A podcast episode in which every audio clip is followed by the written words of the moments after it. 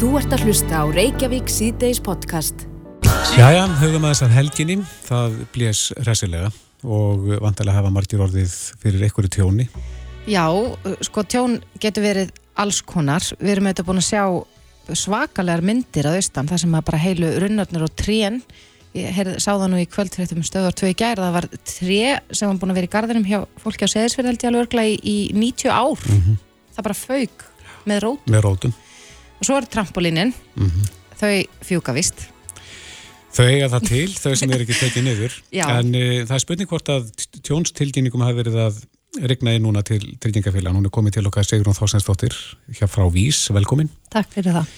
Ertu með nýjar tölur varandi tilkynninga til Já, ykkar? það enn sem komið er, er ekki mjög mikið búið að koma inn til okkar og ég held að eina stóra ástæðan er bara það svo að fólk er ennþá að berjast í því að veðrið er ekkert almennilega gengið niður á Ísturlandi. Mm Mhm. Bílarnir eru, það er bara verið að vinna í því að koma þeim til byggða og eh, ég held að fólk sé nú bara ennþá að reyna að koma vatni burt og annað því litin á Akureyri þannig að, að þær eru farnar að koma en þær eru bara komna rétt yfir fyrsta tíin sko en við eigum vona á að fá fleiri tilkynningar til okkar og með að við myndir og myndbönd sem að maður er búin að sjá þá held ég að það verði nú alveg 100%. Já, náttúruhanfar tryggingar Íslands eh, tilkynntu það, bara gaf út sérstaklega frétta tilkynningu til þess að, vekja aðtekla því, að uh, þau tryggja ekki uh, gegn svona fóktjóni. Er þetta allt á ykkar herðum?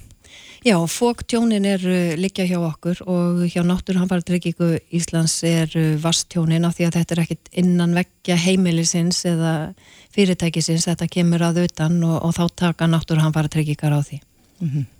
En, en uh, já, við vorum nú aðeins að tala um trampolínið náðan. Þau fjúka. Já, og, merkilegt. Merkilegt. Þrátt fyrir að, að margir heyra eflaust varnar orð frá lauruglun og hinum á þessum um að maður ætti nú að taka trampolín niður, þá eru sömur sem að trassa það og þau fjúka. Já. Eh, Hvað ef að trampolín frá mér fíkur já, á bifurreið nágranna míns? Uh, ef að fíkur á, og bílinn er í kaskó, að þá tekur kaskóið á því og ef að það fíkur á hús nágrannans að þá er það húsegenda tryggingin hann sem að tekur á því og síðan getur hann þá farið í ábyrra trygginguna og þá eh, fengið það þannig út úr þinni tryggingu. Akkurat. Er, er eigandi trampolínsins ábyrgur? Uh, já, að því leiti að það ábyrra tryggingin færi þá yfir til hans. Uh, en, en hérna það er ekki, það var fyrir nokkru missurinn þá var ekki verið að bæta þessi tjón svo mikið, það var metið hvert og eitt skipti og, og að því að það var svolítið litið á þetta er bara á ábyrð hvers og eins að sjá um að halda sínu trampolíni fast við jörðina eða taka það niður. Og, En ef að bíl það ekki kasko fyrir ekki? Þá, eh, þegar þú ert ekki með bílinn í kasko að þá eh, er það þannig að, að þá er engin trygging sem tekur á þessum tjónum, það er bara Ekki heimilistrygging trampolíns eigandans? uh, nei, auðvitað er hægt að sækja í hana og aðtúða það, en það er ekki garið, það þýrst að meta það bara þá í hvert og eitt skipti En, en hvað var, sko núna höfum við séð þessa myndir og frásagnir af, af trjám sem eru hreinlega ripnum með rótum. Hvað með slíkt að Eh, það, það, það, það, er bara, nákvæmlega eins og með trampolíni Já. það er bara nákvæmlega eins. En það er, er tryggingar sem að eru hvað allra mikilvægast þegar að verða þessi e, fóktjón að það er húseganda tryggingin þannig að, og það er svolítið svona svo trygging sem við sjáum stundum að vill gleymast hjá fólki. Sérstaklega hún er ekki lögbundin, brunatryggingin er lögbundin og, uh, og til dæmis pallar og heiti pottar og þess áttar að ef að þeir eru í brunabóta, tryggi, eh, brunabóta mati húsins þá tekur uh, hérna, er húsegenda tryggingin að taka á tjónunum. En ef að það er ekki þá þarf fólk að fá sig viðbóta bruna eða sér tryggja þessa hluti. Og ég veit allavega að það er allavega komið eitt uh, einn tilkynningin til okkar og, og þar var ekki neinn trygging á bakvið e, skjólveginn þannig að þetta er svona hluti sem fólk þarf að huga og að vera vissum að það sé húseganda trygging á heimilinu eða atvinnu húsnæðinu vegna þess að húseganda tryggingin hún til dæmis tekur á öllum þeim fjölmörgu vastjónum sem koma á hverju einast ári Já, já. og til okkar er að bera svona 5-6 vastjóns tilkynningar hverjum einasta degi þannig að hún þetta er ótrúlega mikilvægt trygging En hvað, hversu margir eru með þessa treytingu? Uh, Það eru ekki alveg öll heimili með hana og, og, hérna, og við höfum einmitt núna upp á síkasti verið að hamra á því að benda fólki á þeim sem eru ekki með hana að, að hérna, hvaða liðir það eru sem hún tekur á. Mm. Er fólk en, að spara það, þá ef, ef það sleppir þess að eh, bæ, Bæði og. Ég held að samt eh, meiri hlutin að hann bara átta sig ekki á hversu mikilvæg hún er og, hérna, og stundum hefur þetta verið þannig ef að fólk er í fjölbíli þá hefur samegnin verið með húsegandatrygginguna svo flytur fólk úr fjölbílinu og einhvern veginn áttar sig ekki á því að þessi trygging, eh, hún er ekki að fylgja húsegninni, hún fylgir bara áfram húsegninni sem þú bjóst í Er það dýrtrygging? Nei, hún er, er ekkert mjög dýr, ekki með að við allt það sem hún dekkar sko Nei. Hún, hún raun og veru er að taka á þeim hlutum sem að þú skilur eftir þegar þú flytur burta heimilinu allar innréttingar og, og þess aftar. Já, ég, ég þóru nú eiginlega veðja að einhver hlustundur klóra sér núna í höfðinu og hugsa allir ég sé með þessa tryggingu. Er besta leginn til að komast að því hvort að maður sé með húseganda tryggingu að hafa bara samband við? Eh, já, best einfald, langa einfaldasta leginn er bara að skrá sig inn á innri síður hjá viðkomandi tryggingafæli, það sem verður yfir og, og hérna á aðtúa hvort hún er þar. Og hún og heitir það sama hjá öllum? Hún heitir húseganda tryggi hjá öllum, já. Mm -hmm. Og ef að samignin, ef þú ert í blokk, að þá er það sérst, bara stjórn húsfélagsins sem ætti að geta svara til um hvort að þessi trygging sé til staðar en hún er gríðarlega mikilvæg. Svo er eins líka bara mikilvægt núna þegar að veðri fer að læja og svona að, að þeir sem eru búinir að vera á því segðu það sem að margt hefur fókið að fólk fari út og gangi frá þessu launsamönu svo þeir fari nokkja staði næsta róki og, og skemmi eitthvað þá. Akkurat. Já, að huga forvörnum. Já, þær eru, eru mikilvæg og þær margborga sig þá skil okkur margvalt. Ættu, ættu allir að bara hreinlega taka niður trampolín á þessum ástíma? Já, þetta er svona eitt af þessu verkum sem að maður, þegar maður heyrir að fyrsta höstlaðin er að koma, að þá er alveg ótrúlega klókt að ganga, taka niður trampolínin, taka þessi hérna, húsgögn sem er út í gardi, ganga frá þeim, fergjaðu niður, bindaðu niður, breyða yfir það hvernig sem fólk vil ganga frá þeim, en allavega ekki hafa þau laus út í gardi og eins með grillið að, hérna, að festa það að, og setja það í skjól þegar að, að hérna, þessar spár koma því að Binda það niður? Já, vegna þess að það sem að ekki fauk í síðasta stormi, það getur alveg fókið núna ef að mhm. vindáttin er ekki alveg svo nákvæmlega sama og svo kannski líka getur bara 1, 2, 3, 4 metrar á sekundu breytt alveg ótrúlega miklu þegar það er komið upp í kannski 40 og fer upp í 45 þá er það mhm. náttúrulega ótrúlega mikil breyting á vindi þannig að að það sem hefur aldrei fóki getur allt í henni tekið upp á því að fjúka Já. En það maður geta þess að trampolínu þitt, Þórtís, það er búið að pakka því niður Já, ég, ég, ég viðkenni það að letin í sjálfur mér eh, ég hugsaði, æ, neini, það fíkur nú ekkert en Nei. svo var ekkert sér, það var ekkert sérlega gaman að, að sko vakna eld snemma á sunnudasmórni í vondu veðri og þurfa að mm. fara þá út og pakka því saman Já, við erum í rókinu að vinna Já, en ég hugsa að þetta bara ég læti þetta mér að kenningu verða og hérna frá mun ég alltaf ganga frá trampolíninu þegar að fyrsta hauslæðin kemur. Já, en ég, ég held að það verði fyrsta verk margra eftir þetta spjall að aðtóða með húsegðandatrygginguna Já, það er alveg þess verðt að tjekka á henni, er hún til staðar? Sigur hún Þorstensdóttir, forvarnaföldrú í hjá Vís, takk fyrir þetta. Takk sem er leiðis Þú ert að hlusta á Reykjavík C-Days podcast. Já, Sigga Bendisada og Karl Olger Tríó og orgel orgel. Orgeltríu orgeltríu við erum með þetta. Reykjavík brennur, heitir lagi það? Mm -hmm. Mm -hmm. já, en uh, við ætlum að fara að snú okkur að, að já, efnagsumræðu uh, Íslandsbanki var að gefa út nýja þjóðhagsbá í dag og það eru gleðið fréttir sínsnir já, það er svolítið bjart yfir þeim og ég held að það sé alveg komið tíma það að við fáum einhverja ljósa punta. Já, ekki alltaf að tala um já, svona neikvæðar hluti eins og hækkandi vexti og meiri verðbólgu og... Jón Bjarki Bensson, aðalagfræðingur Íslandsbanka er komið til okkar. Velkomin Takk fyrir að bjóða mér. Ja, Þið eru það að spá, þarna er það ekki smá byrtu og eil Jú, ég held að það megi segja það að, að hérna, sérstaklega við byrjum okkur sama við löndinni kringum okkur, það sem er nú aldrei svona hérna, óvið skýf í það mm -hmm. að, að þá erum við í rauninni betur sett heldur en, heldur en gengur að gerist. Það er vissulega aldrei á vísan að róa í okkar pínulitla hagkerfi sem er náttúrulega mjög undir helnum á því hvað gerist annars það er í heiminum mm -hmm. og við reyndur að taka til þess og þess vegna erum við að spá þrátturir hraðanvöxt í ár eða í kjölfarið og hröðanvöxt í ár miklu hægari hægvöxt í næstu tvö árin. Það er ekki síst út af þessum áhrifum að, að við þurfum svolítið að, að taka inn á okkur þegar öðru lötum gengur illa.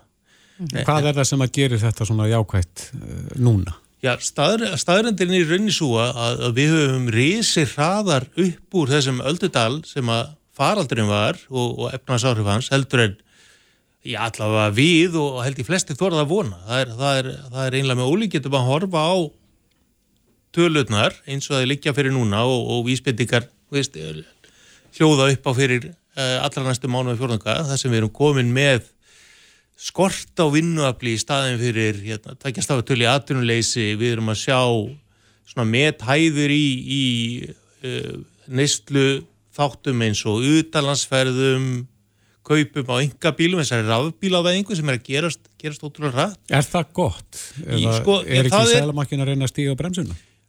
Það er gott svo langt séðan nær vegna þess að sem betur fyrir er ekki verið að taka þessa neyslu að láni í neitt, neitt líku mælu og við sáum til dæmis fyrir hrun.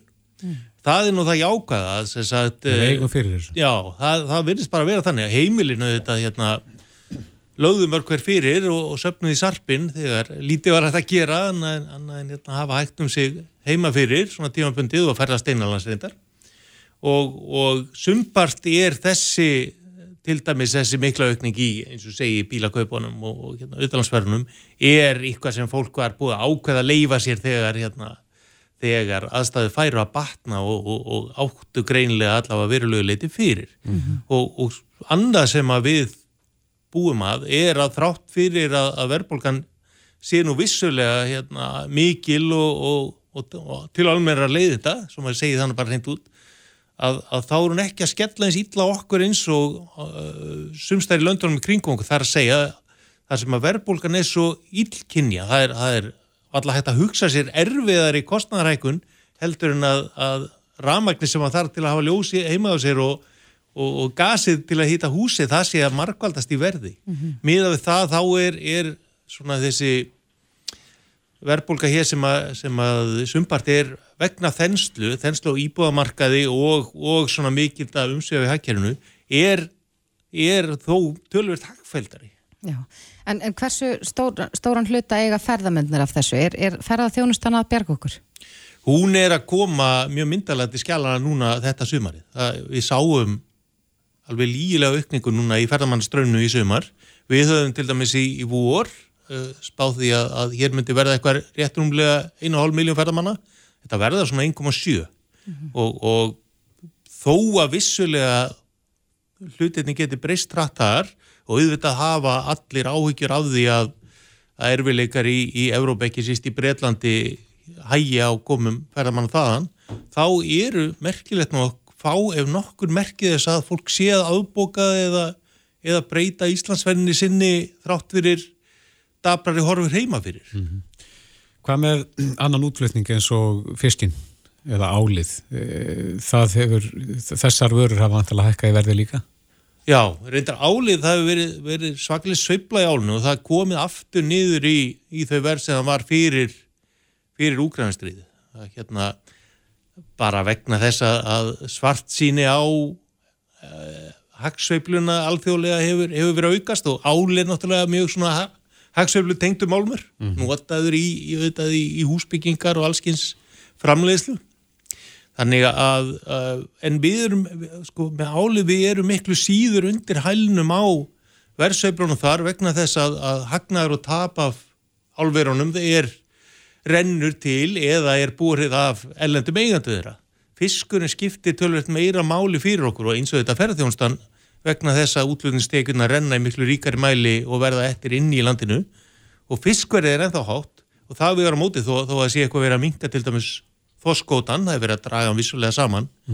Eh, en á móti höfum við átt fína loðnuvertið eh, eldið, fiskeldið er í, í, í mikið liðsveiflu og verðið á þessum afverðum, bæði til dæmis á laxi og þorski er í sögulegum hæðum. Þannig að það, það vegur upp. Þannig að þó að það sé að reikna sér niður á einhvern samdrátt í tilteknum tegundum uh, sjávarafra, ef maður horfir bara á magni, tonnin að þá er, er verðið að heilda tekjurnar á uppleið af þessum afur líka og, og það hjálpa líka, það, það svona stiðu við þennan útlutningsvöks sem að ferðarþjónustan er að skapa fyrir okkur. En, en uh, já, nú eru heyrir maður oft af því að, að heimilin landinu kvarta yfir því að, að, að já, vextir eru herri og verðbólgan meiri og eru bjartara horfur þar? Já, það má eiginlega segja það. Ég, við teljum að við séum búin að toppa í verðbólgunni. Við fengum, fengum svona þessa þessa láguru verstölu 9,9 fórum ekki alveg í 10% inn í, í verðbókunni núna í júli og, og hún gaf sem betur verið öllítið eftir í ágúst og ekki bara það að hún gaf eftir heldur ákvaða rótum þess að tjánandi verðbólka var sem var, var að stórun hluta vegna þess að íbúið var að hækka hægar mm -hmm. það gerir okkur tildulega bjassin um að, að það verst að sé brátt að baki í verðbólkunni við erum bæðið að fá núna Uh, svo ætla verðlækun á, á eldsneiti og öðrum influtum vörum í takt við lækandi markasverð elendis og það sem að kannski enn meira mál skiptir að það eru horfur á að verð þróunin á íbúðamarkaði verði mun hófleri og hjálpi til að toga verðbólkunar niður. Já, hvena má það búast við því að vextir læki? Uh, við erum reyndar á því að Sælabankin sé ekki alveg búin að nýta endan hútin á vaksta hækkunarferðlið. Þau voru... Það sé býði hérna hækkun. Já, núna, núna eftir, eftir rúma viku er Já. næsti vast, næsta vaksta hækkunum selabankans. Mm -hmm. Það gæti reyndar orðið síðasta hækkunin. Hvað er spáðið mikill hækkun? Við gerum ráð fyrir halvu prósendi. Sem núna, er ansið hraustlega hækkun. Já, það gæti komið annarkvært núna í oktober eða dreifst á ákvörðuna dagana tvo sem eftir semst oktober og svo aftur í november þá höldum við að, að Sælabanki láti gott heita við býði svolítið að sjáu hvort að uh, hækjuru síðan á mér eðabægi íbúamarkaðurinn að verða eðlilegri uh, verðbólku tölurnar uh, detti svona áfram með þeim og svo þegar kemur fram á næsta ár þá uh, farið þeir aftur að læka vexti. Ekki fyrir þá? Ekki miða við þessa spá okkar um, um uh, verðbólku þróunina og, og efnaðarslífi það, það það er þetta að kalla svolítið á eins og því nefndu að, að spáin okkar er alveg hóflega bjassin um efnaðstróunina en það þýðir líka að það verður ágetur gangur í hakinu sem slíku vinnumarkaður frekar, frekar spentur og þarfræði til göttunum. Ef að slær frekar í bakseglinn í vetur þá getum við að minnstakosti hugga okkur við það að einhver líkvöldan á að, að vextir fara að lækka fyrir nýju. Því að það er ekkit það er ekkit lögmál að, að e, stýriveitni séu háir hvað sem tautar og raula til dæmis á íbúamarkaðinum. Ef við færim að sjá einhverja lækun þar e, þá, þá myndu, myndi fólk í vankarum breyðast við með því að, að aðlaga vestina því. Mm. Þau vilja ekki sjá íbúamarkaðin fara í verulegt bakslag. Þau vilja miklu frekar sjá hann ná eðlu jafnvegi. En við sáum auðvitað gríðarlega lága vexti hérna í, í, í COVID ástandinu. Erum við að fara þangað aftur eða erum við bara að, að fara á eitthvað svona milliveg sem að við vorum á fyrir heimsfaldurinn? Ég held að, að millivegurinn sé nú líklegri niðurstaða. Að, að aftur, eins og ég segi að ef að aftur kemur við bakslag eins og við fengum í, í faraldrinum, að þá setur Sælabanki það í forgang og bregst við með lækun og ég vil hraðri lækun ef að kemur svona skellur eins og þá. En ja, að því gefnu að hér verði allt í þokkalagum gangi en verðbólgan eins og segju eh, svona hjaðinni niður í skaplega stig þá fylgir banki því svona eftir með því að, að elda getum orðað svona í grófum dráttum verðbólguna og hafa vextina aðeins fyrir ofan það sem þeir, telja verðbólga verði næsta ári þar á eftir og við erum þá að segja það sögu að við erum komið verðbólgu einhverstaðar hérna réttir ofan 3% eftir 2 ár sem þýðir að, svona í gróðun dráttum að, að Sælabankin gæti þá verið með stýrivestina ykkvað yfir 4% þegar það er komið sögu. Mm. Já. Já. Já, en uh, eh, mér langar nú aðeins að spyrja það svona rétt í lokina því, sko, við erum ferðarþjónustan, eru þetta gríðarlega árstíðabundin, við sjáum gríðarlega mikið magna ferðarmennum við hérna sömrin og svo viljum við þetta reyna að dreifa þessi yfir árið. Skiptir það miklu máli til þess að, að já, þessi spá rætist að já, við höldum ferðamennum hérna allan á sem syng. Það skiptir tölurði máli og, og fyrir komandi vetur þá er náttúrulega uh, verulega óvissum hvort að breytarnir skila sér í sama mæli og þeir gerðu allt fram að faraldri. Þeir eru miklir vetraferðamenn, mm -hmm. eru, eru á stundum fjölminnastra öllu þjóðu hérna á viðna og eins hvort að bandaríkjaman halda áfram að vera jafn duglegir að, að sækja landið heim. Ísland er ennþá frekar ódýrtir í bandrækjumenna því að dollarin hefur verið í mikilli styrkingu undanfarið og, og þeir, þeir dreifast uh, talsveit jafnar yfir árið heldur en sumar aðra þjóðu. Það er, það er engalega og sérilagi sumar Evropaþjóði sem að koma hér langmest á sömrin. En það, það er vissulega mjög mikilvægt að, að, hérna, að ná jafnari dreifingu og, og það er vissulega ekki að vísna að róa. Hérna, það er ekki beint gefilega frétti sem er að berast uh, til dæmis frá Breitlandi þessa dagana en, mm. en, en við skulum vona, vona að, að úr leysist og það hafi ekki ómikið neikvæð áhrif á greinu. Rétt í blálógin þurfum við fleiri egg í korfuna. Það er að við erum með þessa stóru stólpa, sjávarútegin og, og ferðamennskuna, ferðarþjónustuna. Já, ég held að, held að með tímanu þurfum við fleiri egg og við erum reyndar að, held ég að við getum haldið áfram með þá líkingu að það getur komið til með að, að, að verpa slíkum eggjum til dæmis í bara útflutningi á hugviti. Það er, er útlunningsgræðin sem hefur verið svolítið undir ratarnar vegna þess hvað náttúrulega ferðarþjónustan var í rosalega vexti mm -hmm. en þar eru fannar að koma tölur sem skipta okkur máli og þar er engi takmark fyrir hvað við getum vaksið. Það er bara gott fólk með góðar hugmyndir og, og, og góðan búna mm -hmm. og, og, já, og einmitt og stuðning til, a, til að virkja þær og þróa. Einmitt. Jón Bjarki Bensson, aðalagfræðingur Íslandsbanka. Kæra þakki fyrir komina Takk fyrir mig. Þetta er Reykjavík C-Days podcast. Eh, Við hefðum einnig síðustu viku í formanni húsendafélagsins hún hefði Sigurður Helga Guðánsinni mm -hmm. sem að skrifaði grein, hún byrtist inn á vísi.is þar sem hann er að tala um að þessi ástími núna að renna upp þar sem að tilkynningum um galla í nýbyggingum fjölgar þar sem tilkynningum til félagsins. Akkurat. Og uh, já, það er auðvitað þannig að, að við höfum nú oft talað um fastegnumál hér mm -hmm. og ja, þegar þú ert að kaupa notaða fastegna að, að, að gamla þá gerir maður kannski ráð fyrir að það sé ekki allt í toppstandi en ja. að þú kaupir glæni egg mm -hmm. að þá vonast maður allavega til þess að það sé allt í toppstandi. Já, að það leiki ekki. Það leiki ekki. En eh, já, hann segir að þetta sé eh, allt og valdingt, en hann er komið til okkar Frýrik Á Óláfsson, viðsýttastjóri á mannverkjasviði samtaka Einarins, velkomin. Takk fyrir. Eh, Sigurður nefndi að þarna væri um að kenna flíti, að menna að flíta sér á mikið. Getur þú tekið undir það að þetta sé allt og valdingt? Ég get ekki tekið undir það og, og hérna, hann kemur líka inn á það að það lóða verð dýrt og menn síðan farnar að setja hugan í eitthvað önnur verk áður en klára þetta tiltegna verk. Mm -hmm. uh, ég er alls ekki samála því vegna þess að það er þannig eins og með okkar félagsmenn að þeir þurfa að geta orðspólu sínu. Þeir vilja hafa hlutinu leið en því miður eru alltaf einhverjir sem er ekki standa sér vel. Það er bara þannig, því miður. En við segjum alltaf að einn galli er einu galla á mikið. Mm -hmm. þannig að við erum statt og stöðugt að fræða, leiðbeina og aðstóða okkar félagsmenn til þess að skila góðu verki. Mm -hmm. En nú eru þetta sko ítrekkað fjallað um það í fréttum að það er mikil húsnæði skortur og mikil pressa á, á borgaryfirvöld og sveitafélagum allt landa að, að auka frambóð. Þessi pressa hlýtur að skila sér niður til, til verktakana að, að skila af sér eins, eins rætt og mögulegt er. Já sko þetta vilja allir skila eins hratt af sér þau mögulega geta. En menn þurfa alltaf að og, og þeir, mínir félagsmenn, þeir passa sig reyna að passa sig á því að skila á réttum tíma skila góðu verki. Til þess að einmitt að gera það að þá er komin í, dag við erum með gott tannhjól.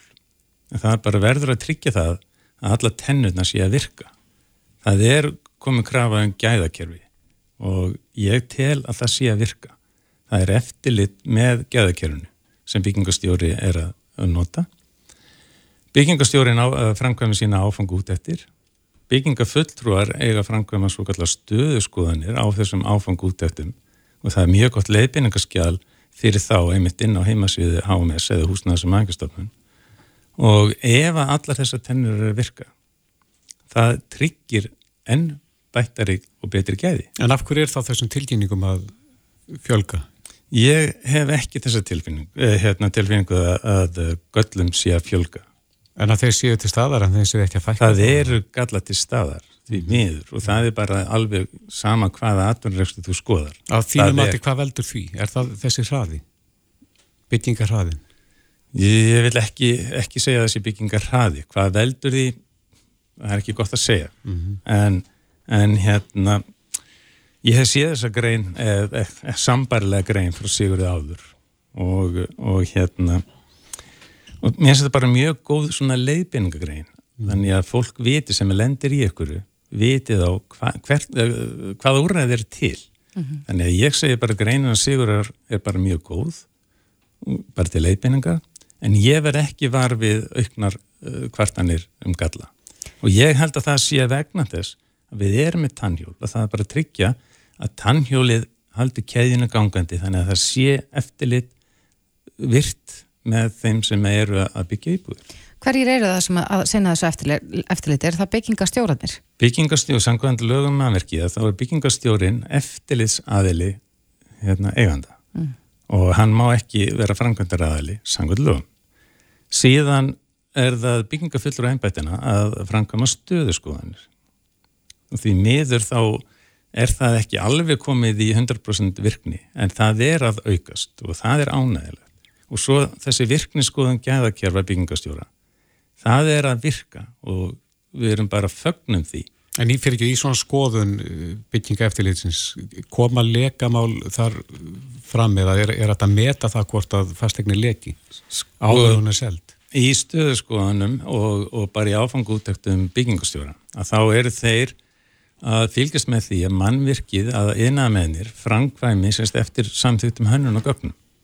Þannig að, að eins og þegar kemur að örgisúttekt eða, eða lokaúttekt mannvirkja að þá er útættin í dag eins og lögin er, er í dag þá er þau þannig að, að það bara verið að taka út er mannvirkið byggt samfittuð teknikum er uh, hitakerfi og ramaskerfi og það alls saman virt mm -hmm. og það er yfirlýsing viðkomandi yðmestara sem að þá fylgir í þessari lokútett sett í handbók húsins þannig að ég held að við séum að réttir í leið með nýbyggingar en eins og ég segja og ég ítreka eitt galli í mannverki er einu gall á mikið mm -hmm.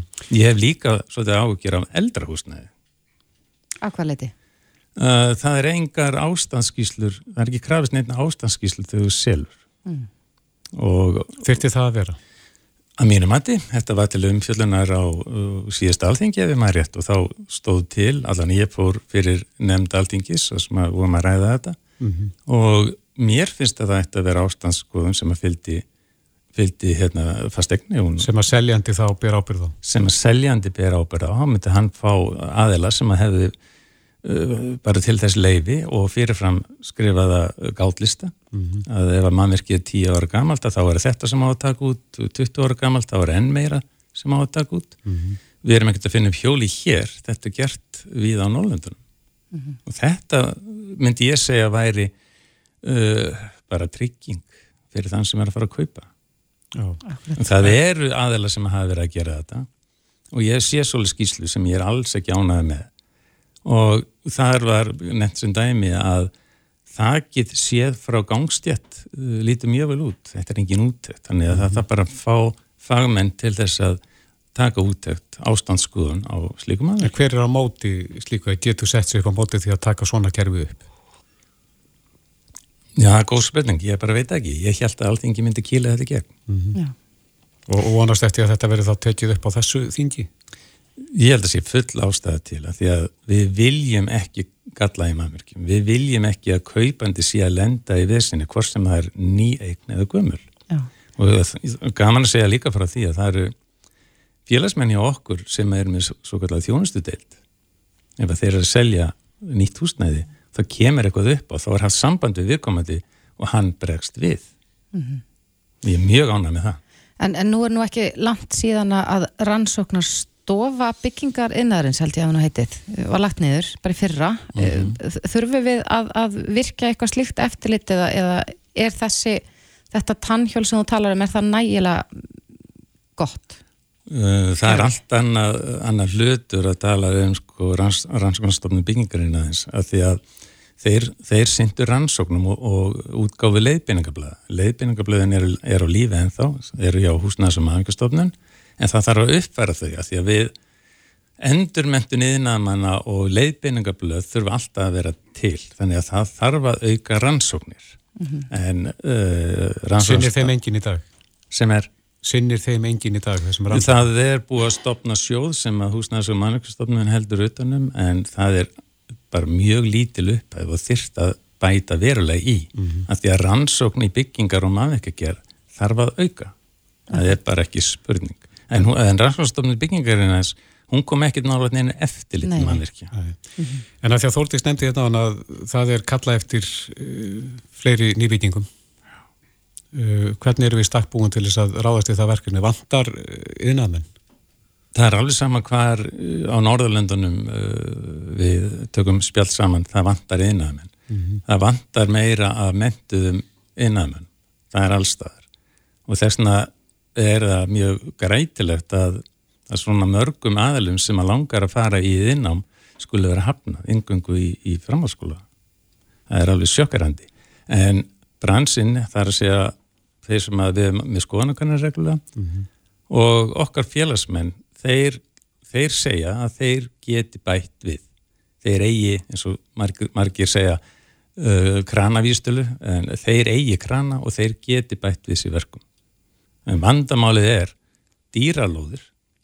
Núna þegar svona uppsveiflega er skortur og lóðum að þá er nánast öll sveitafélög sem að auglýsa útbóð og lóðum. Og lóðaverði í dag er alveg skuggalega hátt. En síðan eða kreppir að að þá allt í henni er hægt að útlöta lóðum því þá, myndi, þá vita þeir að þeir myndi fá læra verð. Mm -hmm. þannig að við þurfum að gera eitthvað til þess að lækka bíinkostnaðu og við höfum rætt ímsa leiðir eins og til dæmis að að verktakar myndi ekki borga loðaverð heldur fyrst íbúið kaupendi myndi þá uh, íbúið er þið læra sem, því, sem er loðaverði næmi og síðan myndi það fyrst íbúið kaupandi greiða það. Og þá myndi eins og oft verið talað um að verktakinn sé að leggja á loða, uh, hérna, uh, loðugjöldin greiða enda meira. En það er ekki þannig, það er hægt að gera ímsalið og eins er bara svo margt í, í keðinu hjá okkur það er að segja í framlæstu keðinu sem að eigu kostnað eins og til dæmis, jú, það þarf að borga fastegnagjöld á byggingatíma þetta hefur allt áhrif. Akkurat, já en það er alltaf að vista að já, það er bæði skortur á innamönnum en síðan leika skortur á húsnæði.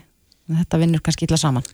Það er, uh, það er skortur, skortur á húsnæði, það er alveg vitað en uh, við erum nýbúin að ljúka talningu og veintalega sem við kynnum þá á mánundagin eftir viku mm -hmm. og þá, þá sést nú nákvæmlega hvað er verið að byggja og hvar en mínu félagsmenn þeir segja við getum bætt við og, og bætt í framlöslu en við þurfum að fá hagkvæmar lóðir. Já, látum þetta vera loka orðin fyrir Erik á Ólafsson við stýftastjóri á mannverkjasviði samtaka Ínaðurins kæra þakki fyrir komina. Takk fyrir mig. Þetta er Reykjavík C-Days podcast. Fransi stór kvallurinn um helgina og sérstaklega fyrir uh, já, norðan og austan já. þó að það hafi nú líka verið mjög kvast hér Já, já, fögur trampolín hér líka Já, já, eitt, eitt í hlýðunum en skulum ekki ræða það frekar Nei. en almannavarnir hafa óskað skýringa mm -hmm. uh, á því hvernig hálft landið varð ramagslöst í gær og okkur skilst nú að þetta setur skoðuna hjá landsniti hvernig, hvernig þetta gatgerst mm -hmm. að, að svona margir uh, já, fundi fyrir þessu Nei, mitt Og hann var í aðgerastjórn og fagstjóri aðgerðamála hjá almannavöldnum Jón Svamberg eh, Hjertarsson sem er á línu, kom til sæl. Já, komið sæl. Já, svona heilt yfir, hvernig, hvernig gekk ykkur að samræma aðgerðir? Sko, ég hef nú að heilt yfir hafi þetta bara gengið afskaplega vel og, og hérna, sem sagt, náttúrulega það var aðalega bara í umdæmanum sjálfum, þar sem aðgerðastjórnunar störfið með, með björgunarfettum og og, og öllum öðrum viðbráðsæðilum sem að koma á þessu sko. Mm. Var eitthvað sem kom ykkur óvart? Sko, já, ég get ekki kannski sagt af beint en, en sko vissulega var, var hérna þetta, já, kólvillasa veður í svona langa tíma þetta kemur að manni svolítið óvart sko, þó svo, svo sem spáinn hefur náttúrulega gert þér áfyrir því sko. Mm -hmm. Já, hérna. Þannig að spárnar hafa gengið eftir nákvæmlega? Já, já, mér, mér skilst það nú að það hafi nú verið bara, það hafi nú verið svona nokkuð upp á tómuna, sko. Já, en þið hafi kallað eftir það ekki stýringum á ramagsleysinu? Sko, það er nú kannski svolítið gildislega að, að, að segja að almanhaldin hafi kallað eftir stýringum. Það sem að gerist í svona, sem sagt bara þegar við erum í aðgerðum almennt, að þá hérna og er bara bundið í lögum almanvarnir að, að okkur ber að rýna aðgerðir þegar þeim er lokið og það sem að til dæmis mun gerast núna þegar að við afléttum vonand og morgun síðasta almanvarna stíginu að þá munum við setja í gang rínuferðli bara á þessa aðgerð almennt og, og það þýðir það að, að allir sem aðkomi, hvort sem að það eru björgunarsveitir, laurugla eða, eða til dæmis innviðir svo sem landsnett eða, eða vegagerðina að þau rýna sinn hluta og, og síðan er, er, er hérna unnin úr því rýniskísla og þá koma fram vantarlega ábendingar að punktar um eitthvað sem betur er nátt fara og þá gera mér náallir um að reyna að bæta úr því sko. En er, er Jón, er komin einhver stýring á þessu rammarsleysi? Við erum nú vönd því að kannski þegar meiri snjórir að þá dettir rammarni út en, en því var ekki að dreifa núna eða? Nei, sko, ég, ég hef svo sem ekki aðra skýringar heldur en bara hefur komið frá landsnett í, í fjölmjölum en að hérna sé röði ykkur aftöka sem, sem ósaka þetta sko. Mm -hmm. en, en hérna en vissulega er það náttúrulega ekki gott ef að, að ramagt fyrir út á, á stórun hluta landinu og í einhver tíma en, en sko samfélagslega áhrifin eru náttúrulega kannski mest sko á, á fyrirtækin og, og stóriðin og allt þess áttar en, en, en Íslandíkar er nú svo sem vanir að missa ramagnin af heimilum sínum sko jafnveg til lengri eða skemmri tíma þannig að það er nú kannski ekki endilega stóra málið og og sérstaklega ekki þegar það hérna, er ekki há vetur En það er kannski líka rétt að taka fram í þessu að, að sko fjarskipta samband og, og sem sagt öryggis og neyðar fjarskipti heldur mjög vel og mm -hmm. ég veit ekki til þess að neitt hafi komið upp á því sem til dæmis að, að fólk hafi ekki náð sambandi við neyðalínuna eða, eða að aðilar sem að voru í vettvánsvinni eða aðgerðustjóðin hafi mist samband á nokkur, nokkur tíma. Sko. Akkurat. Já, það er allavega gott að það sé hægt að finna ljósupunktana í þessu. Jón Svanberg Hjartarsson, fagstjóri aðgeramála hjá Almanvörnum. Kærar það ekki verið þetta? Já, takk fyrir. Og yfir jannað og meira þessu tengt. Hún er komið til okkar Birna Marja Þorbjörnsdóttir, verkefnistjóri hjá Landsbyrgu, sem að sér meðal annars um Save Travel verkefnið. Velkomin. Takk fyrir. Já, nú eru, eru það voru rúmlega 70 ferðamenn sem fengur skjól uh, hérna hjá fjalladýrði í Möðrudal og við nú séum myndir að þessu. Þarna voru bílalögu bílar í, í algjörðu klessu eila, má segja. Og, og maður veldi fyrir sér áttu þessi ferðamenn yfir höfuð að vera að keira þarna þessum slóðum í, í þessu mikla óveðri? Og Safe Travel verkefni snýst nú um að, að miðla upplýsingum til ferðamanna. Ættu að geta gert betur eða er, eru bara eiru þeirra lokuð fyrir þessu? Um, auðvitað getum við alltaf gert betur uh, Viltu vita hvað við erum að gera? Endilega, segja okkur uh, við, Þegar það er vona á svona veðri þá sendum við út viðvarnir og það, við erum með nokkur tæki til þess við setjum það inn á heimasíðun okkar og í, í framhald af því þá faraður inn á upplýsingaskjái, við erum með yfir 100 upplýsingaskjái við það um landið þar sem það rúla á því tungu eh, ennsku uh, þær fara síðan inn í alla bílalegu bíla sem eru með kerfi sem er tengt okkur uh, sem að keira ná, þegar þeir nálgast þetta svæði sem eru að vara við þá byrjast þetta á skjánum í bílalegu bílunum. Uh, fólk sem hefur skráð sér fyrir að fá viðvaranir í SMS hjá okkur, það var SMS í hver skiptir sem við sendum upp eitthvað með viðvörun um, þannig að þetta er svona það helsta sem við gerum svo notum við fjöspókina og Instagram líka mm. svona, og uh, svo er náttúrulega Save Travel appið sem miðast eins og er mikið til að sjálfkeirandi ferðamannum mm.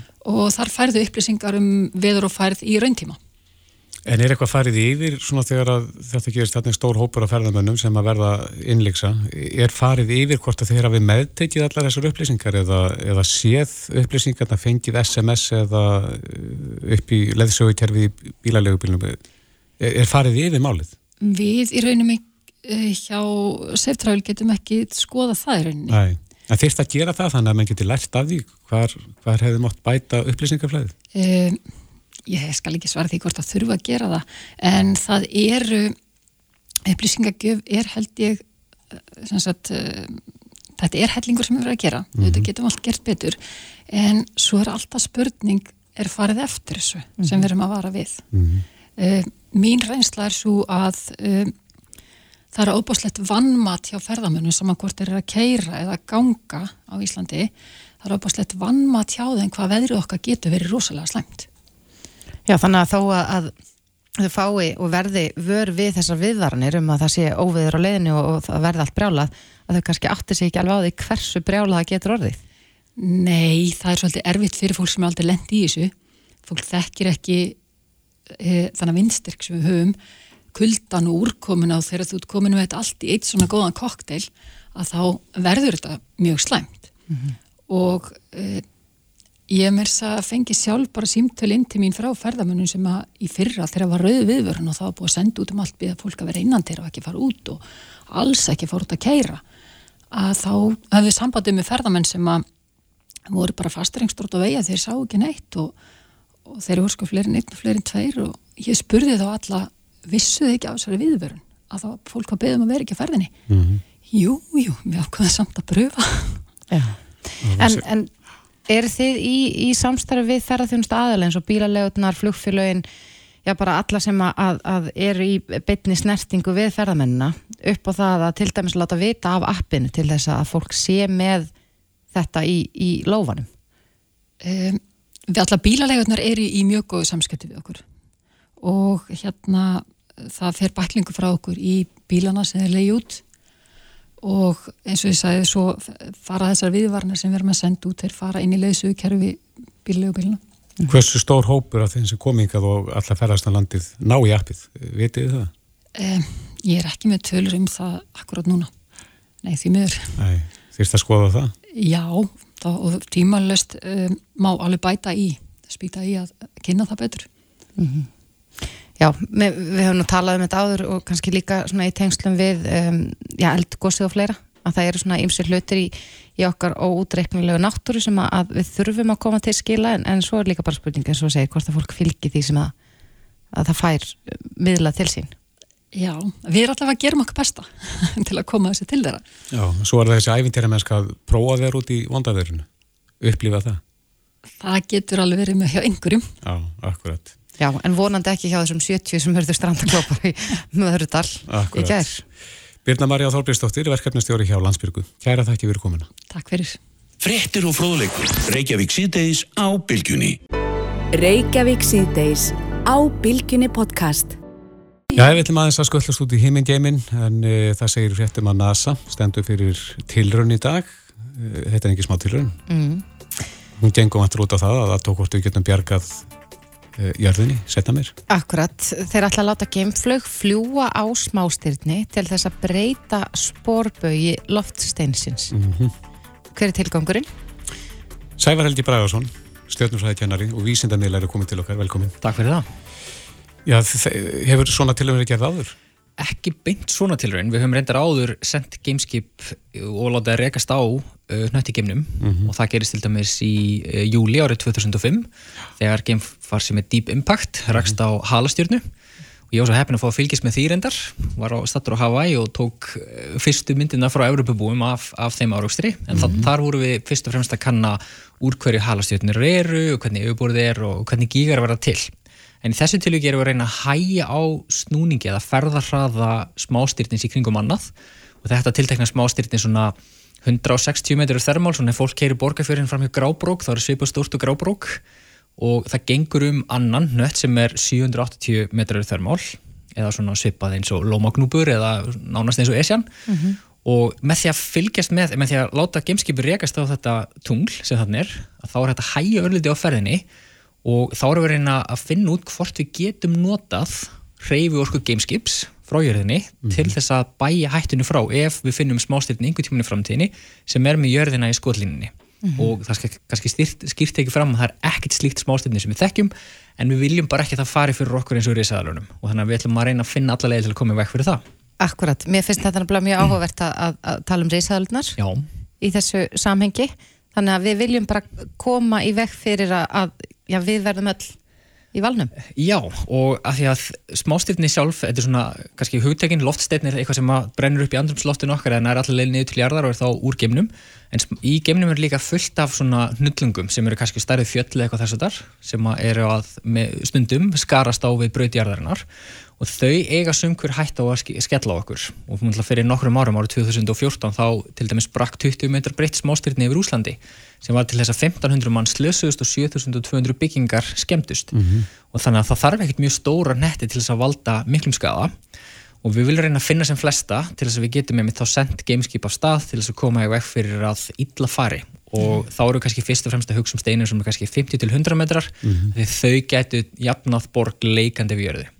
Ég veit að það er eitthvað sem að er að veltaði fyrir sig, sko, við að fykta mikið í náttúrunni? Getum við gert illt verra með því að breyta stefnu þessa styrnis? Í þeim efnum er þá bara hotlast fyrir okkur að hætta að fykta í náttúrunni og jörðinni. Þannig erum við reyna að koma í veg fyrir hamfarar á jörðinni. Það er einu sem við getum raunverulega að koma í veg fyrir. Það er að segja að við getum, við erum bara fyrsta dýritegundin í sögu jarða sem getur komið í veg fyrir að svona hnöttur úr geiminum skella á okkur og breyti þar, þar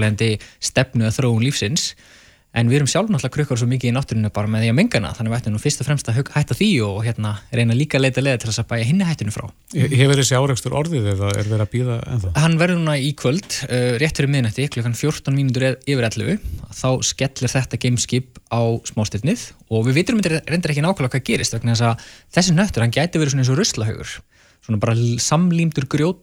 ruslahaugur, svona bara l- samlímdur grjót nöttur og ef svo er þá gæti þessum nötturinn leist og bara losnaði í sundur. Hvað er þetta stórt gameskip? Uh, hann er, það það er svona cirka kannski starfi ískáp, svona einn rúmur, einn milli, einn, tveir metrar í þörfum, svona og kassi sko. Já. Og hver er hraðinn?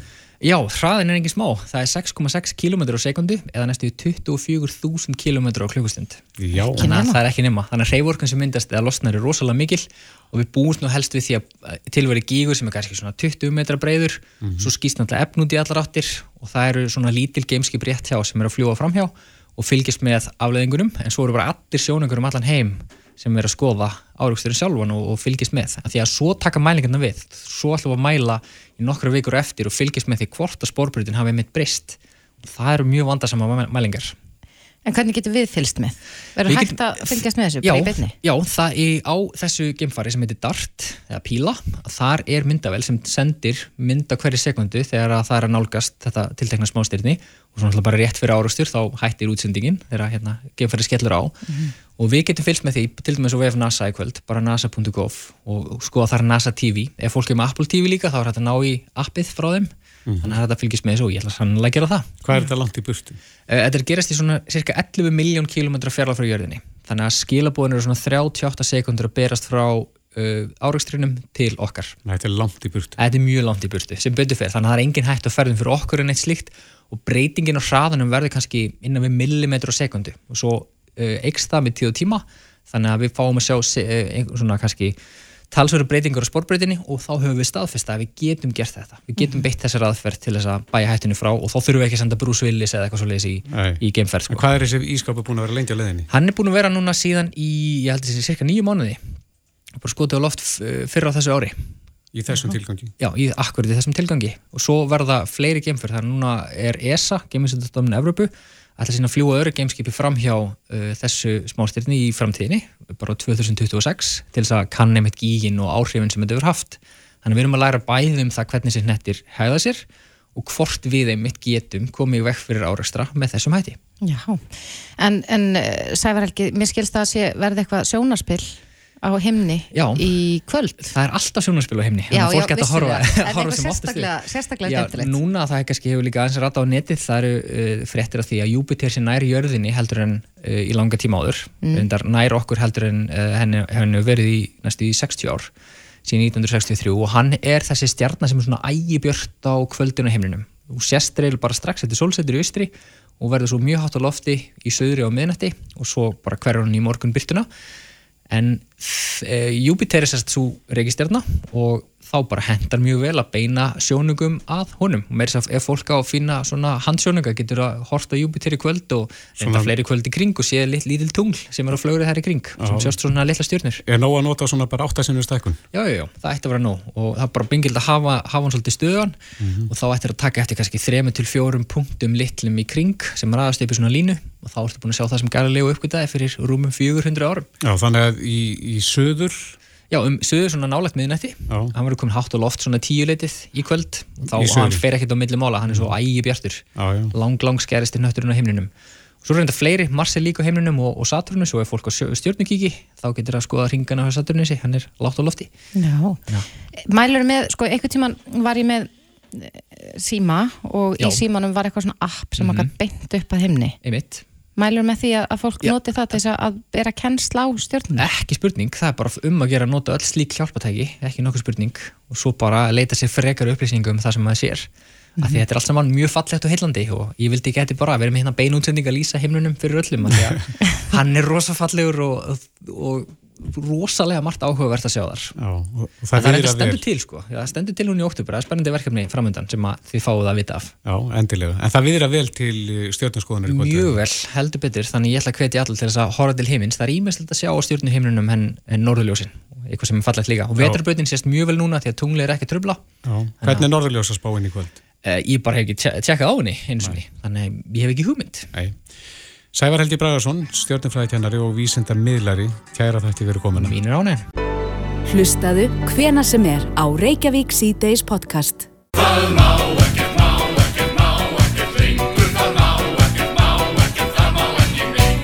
Samstarfskonum mínum spilli með nuti og fræri fingra snilli Þær hafa alltaf alveg elskað það en allt í einu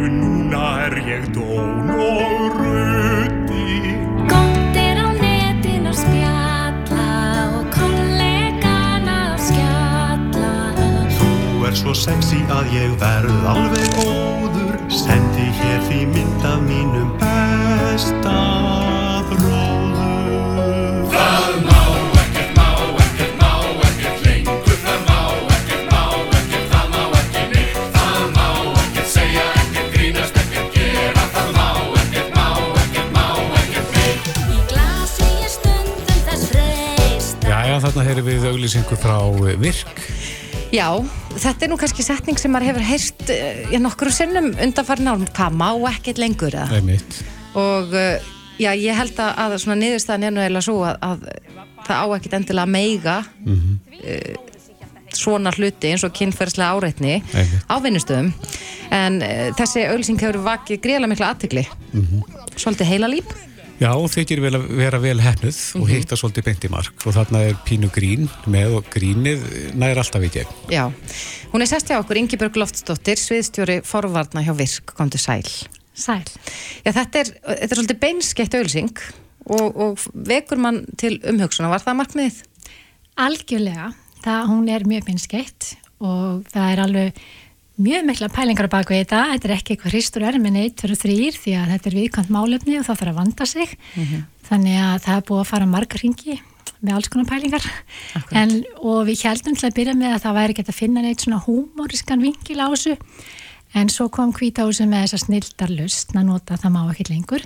Þetta er svolítið í takt við hérna fyrstu vakningun okkar á forhundasviðinu sem var eða að gera. Þetta er svolítið svona markmið að eðilegja þessar setningar eða fá fólk til að hugsa. En sko, margir veltaði jafnvel fyrir sér, uh, þið hjá Virk eru þetta í starfsendurhæfingu, uh, er, er, tengist þetta? Kynferðislega áreitni á vinnustöðum og svo og jafnvel fólk sem að kemur til ykkar uh, með kullunar enginni eða þarf að fara í, í endurhæfingu? Já, þetta er góð spurning. Uh, já, við fáum vissulega fólk til okkur sem er orðið fyrir allskins kynferðislega áreitni og þá kannski ekki síst svona alvarlegri þá erum við að tala um alvarlegri brotins og nöðgænir og slíkt. Við höfum því miður ekki tölur um þá sem hafa komið til okkar út af áriðni á vinnustöðum en aftur á móti þá hefur virk starfsendræku sjóður lagarlegt hlutverk hvað varðar að styðja stjórnendur og vinnustæði í því að að fólk geti verið bara heilbritt á sínum vinnustöðum og hérna þurfi ekki að heldast úr lestinni. Nei. En, en þetta er auðvitað, sko, þessi umræða um kynferðislega áreitni hefur auðvitað verið gríðarlega háværi samfélaginu á undanförnum árum, kannski svona í kjölfar MeToo-byltingar.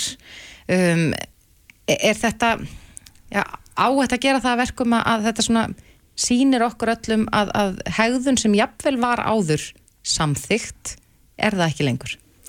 Já, vissulega. Við, að, það kemur í ljós að uh, rannsóknir hafa sínt að það er vinnustæða menningin sem oft er svolítið að viðhalda þessu, þessum vanda á vinnustöðunum. Það er kannski er, hefur ríkins lengi að það er einhver starfsmenn sem eru alltaf með eitthvað grín og það er mjög oft falið sig á baku það, menn þetta sé bara djók. Og ábyrjun hefur lengi vel verið sett svolítið á þólandan, að þólandin uh, annarkort á þá að setja mörg og segja að hann vilji þetta ekki eða þá að þólandin hefur, bara ekki húmor og getur ekki tekið gríni. Þannig að við erum svolítið að markmiði líka að fá vinnustæði til að taka umræðina á vinnustæðunum og bara ræða hvernig er menningin okkar vinnustæð. Kannski er hún bara í fínu lagi og ábyggilega á flestum vinnustöðum en á einhverjum stöðum á eflust gera betur en svo alltaf. Telji ykkur verið að fanga þetta svolítið vel? Það er að þið farið við vítt svið í, í textanum? E, já, við erum svona að vonast til þess. Við vildum með mitt koma, það er náttúrulega ekkert að koma miklum skilabóðum áleiðis á stuttum tíma, en við svona gátum lumaði inn að uh, það er hérna grín, grínarinn, það má ekki gera grín og, og við vorum svolítið að höfða til ungu kynslaðurinnar sem er frekar að stunda sína áreitni á samfélagsmiðlum, þannig að það kemur líka í auðlýsingunni. Svo erum við líka náttúrulega aðeins að tala inn í þessa meðvirkni sem hefur verið og þá ekkert síst hjá konum heldur en körlum og þarna er til dæmis verið að tala um að konan kemur inn í auðlýsinguna sem að hún fór ekkert að væla þó að verið klipið hann inn í gamla daga. Já, einmitt. Þú veist að við erum svona að reyna að ná svona eins mörgum vinklum og við mögulega getum. Það er herðanuttarinn líka. Herðanuttarinn, já, og það er einmitt málið, þú veist, og þá getur maður einmitt spurt sig, þú veist, nutt getur alveg verið þægild og allt það, en það verður náttúrulega að vera alveg á ljós, ljóst og á hreinu að viðtakandin vilji fá þetta nutt og allskyns snerting og annað, hún þarf náttúrulega að vera alveg, semst, öruglega með þeim hætti að, að viðtakandin Það sé samþ, að þetta sé samþygt hegðun. Akkurat, og þetta, þetta snýst ekki um það að allt, alls konar nánd eða hvað sem það er inn á vinnustöðum sé bara bönnuð, heldur snýst þetta um, um að fólk sé ja, samþygt því sem er í gangi. Já, klálega og ég held að við séum nú sér betur fyrir komin út úr því umhverfi allavega svona þegar fólk er allskáð það þarf sé vera að klípi rassin á hvort öðru og eitthvað slíkt. En það er kannski þetta sem við þurfum kannski aðeins að staldra við að hugsa. Er kannski eitthvað ennþá sem við erum að gera sem er kannski bara ekki vel þokkað af viðtakandunum? Og það sem er svo flókið í þessu líka er að e, það er oft þetta valda ójapvægi sem kemur svo mikið inn í þessa mynd og það gerir þetta sérstaklega erfitt vegna þess að stundum, þetta er náttúrulega alveg klassíst að það sé kallmaður í, í efri valdastöðu á vinnustæðanum sem er að áreita konu, þetta er svona þetta klassíska sem rannsóknir sína að þetta er það sem er algengast. Og það er náttúrulega bara erfitt oft að standa á móti slíku því þú kannski bara hættum að missa vinnuna En, en já, þessi setning má ekkit lengur. Man hefur nú séð hana, já, stundum, hún dúkar stundum upp í kommentakerfum og, og þar jafnvel endurspeglast þessi kynnslóðmunur þess sem þú myndist á líka í, í auglýsingunni, konan sem segir, já, ég fór nú ekkit að væla þó að það eins verið klippið í mig hérna í gamla daga. Erum við svolítið að að brjóta þetta? Já, ég held að við, við hljótum að vilja brjóta þetta og MeToo-byltingarnar hafa náttúrulega verið að vísa allar í, á þennan stað að uh, akkurat að það sem að veist, og þetta er, ég get alveg séð fyrir mér að þetta sé erfitt fyrir marga uh, kannski af uh, svona eldri kynnslóðum að átta sig á þessu nýja umhverfi. Þú veist, allir þessi orð sem voru notuð og, og, og bara, þú veist, og líka þetta um, má þá ekki skalla neitt, má ég ekki segja að þú sést fallegi í blúsunni í dag, þú veist? En, en bara aftur, þú veist, hvernig líður þeim sem tekur við skilabóðunum og, og akkur við náttúrulega eigum að, við, við erum náttúrulega öll eiginlega í því hlutverki að við þurfum að vinna fyrir okkur og á vinnustæðanum við þurfum að vera þar og við eigum að geta verið þar á þess að sér að líta okkur sem kynverur. Er þið ánæg með móttökurnar? Við erum alveg skíjan með móttökunum því að við fengið mjög jákvæð komment bara hinga og þangað. Er einhver neikvæð? Eh, Við hefum fengið, fundið ykkur eitt, tvö sem eru kannski ekki alveg eins jákvæð en við áttum alveg vona á því því þetta er náttúrulega eitthvað, við, við eiginlega bara svona fórstöld í djúbulögina með þetta Eh, En út á hérna- hvað ganga þessi neikvæði stílabóð? Að það megi ekkert engur? Mm, Já, eitthvað að, já, býtum, ég, ég man ekki svona hvað það var, það var, það var ekki mjög alvarlegt sko, Nei. eitthvað hvort það væri verið að uh, sérst, gera út á að dissa kallmennið eitthvað slíkt en, en ekki með því orðalega samt, þetta Nei, var alls ekki akkurat. þannig orða En eitt til hópa þá var þetta jákvætt. algjörlega, mjög, búið að vera mjög jákvæmt og við erum bara að allsæl með þessar viðtökur Já, þetta er vitundarvakning og hefur eflust vakið marga þau vitundar en uh, Ingi Björg Loftsdóttir, sviðstjóri forvarna hjá Virk. Kæra þakki fyrir komuna. Kæra þakki fyrir að bjóða mér, takk.